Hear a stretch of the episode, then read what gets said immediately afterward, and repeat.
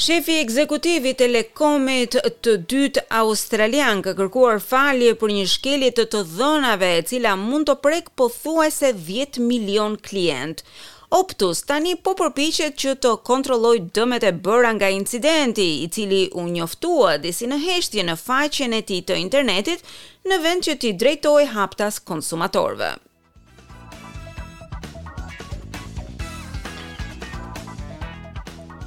Kompania e telekomunikacionit Optus ka njoftuar se informacionet e klientëve janë komprometuar e për këtë qëllim ka nisur dhe hetimet e nevojshme. Telekomi thotë se ka bllokuar menjëherë sulmin kibernetik dhe ka njoftuar Policinë Federale australiane. Shefja ekzekutive, Kelly Bayer Rosmarin, thotë se ndihet e dërrmuar dhe i vjen keq për këtë që ka ndodhur. We understand that customers will be concerned and while it's not all our customers that have been impacted, openness and transparency. Ne e kuptojmë se klientët do të shqetësohen e megjithatë, sipas të dhënave, jo të gjithë klientët janë prekur. Sinqeriteti dhe transparenca janë të nevojshme. Edhe pse incidenti dëmton reputacionin tonë, është në të mirën e interesave të klientëve tanë. Ajo e përshkroi sulmin si të sofistikuar dhe tha se nuk do të zbulonte detaje të plota. Kompania thotë se fillimisht u vu në dijeni rreth shkeljes përmes aktivitetit të dyshimtë, por nuk i informoi drejtpërsëdrejti klientët, përkundrazi e publikoi lajmin në internet.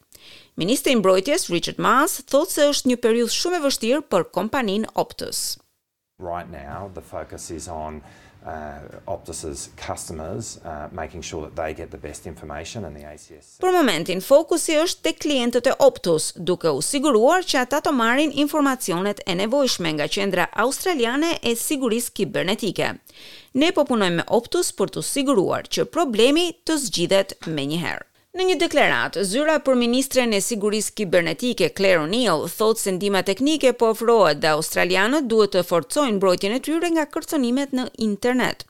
Por opozita thotë se qeveria duhet të japë llogari.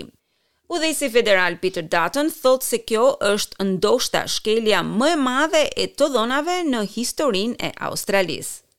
I think there are a lot of Australians who rely day to day on uh, their internet connection uh, on their telephone. Mendoj se ka shumë australianë që përdorin internetin çdo ditë në telefon dhe në pajisje të tjera në shtëpi. Kjo natyrisht i ka prekur shumë prej tyre sepse ka disa të cilët përdorin edhe të njëjtat fjalëkalime nëpër llogari të ndryshme. Shkelja lidhet me të dhënat e klientëve të kaluar dhe atyre aktualë, duke filluar që nga viti dy mijë e shtatëmbëdhjetë. Aty përfshihen emrat, datat e lindjes, numrat e telefonit, adresat e e-mailit. Për disa klientë, publike janë bërë dhe detaje të tilla si adresa e shtëpisë, numri i patentës dhe pasaportës. Megjithatë, Optus thotë se detajet e pagesave dhe fjalëkalimet e llogarive nuk janë komprometuar. Delia Rickard nga Komisioni Australian i Konkurrencës dhe Konsumatorit thotë se klientët duhet të ndërmarrin hapa të sigurt si verifikimet shtesa kur kryejnë transaksione bankare. Cybercriminals are constantly looking for large databases of information which means that anyone who holds. Kriminelët kibernetikë janë vazhdimisht në kërkim të të dhënave të informacionit, që do të thotë se kushdo që ka të dhëna të mëdha është në rrezik dhe për fat të keq, ky është një fakt real i jetës moderne. Eksperti i sigurisë në PwC, Rob Di Pietro, thotë se mendohet se dhjetë milionë të dhëna të klientëve mund të jenë prekur. Ai paralajmëron se detajet e identitetit mund të shiten në tregun e zi. I think what this this breach highlights is that data is valuable, it's valuable to organisations. Ajo që tregon kjo shkelje është se të dhënat janë të vlefshme, janë të vlefshme për organizatat, për kriminelët kibernetikë që kërkon të përdorin këto informacione për përfitimet e tyre.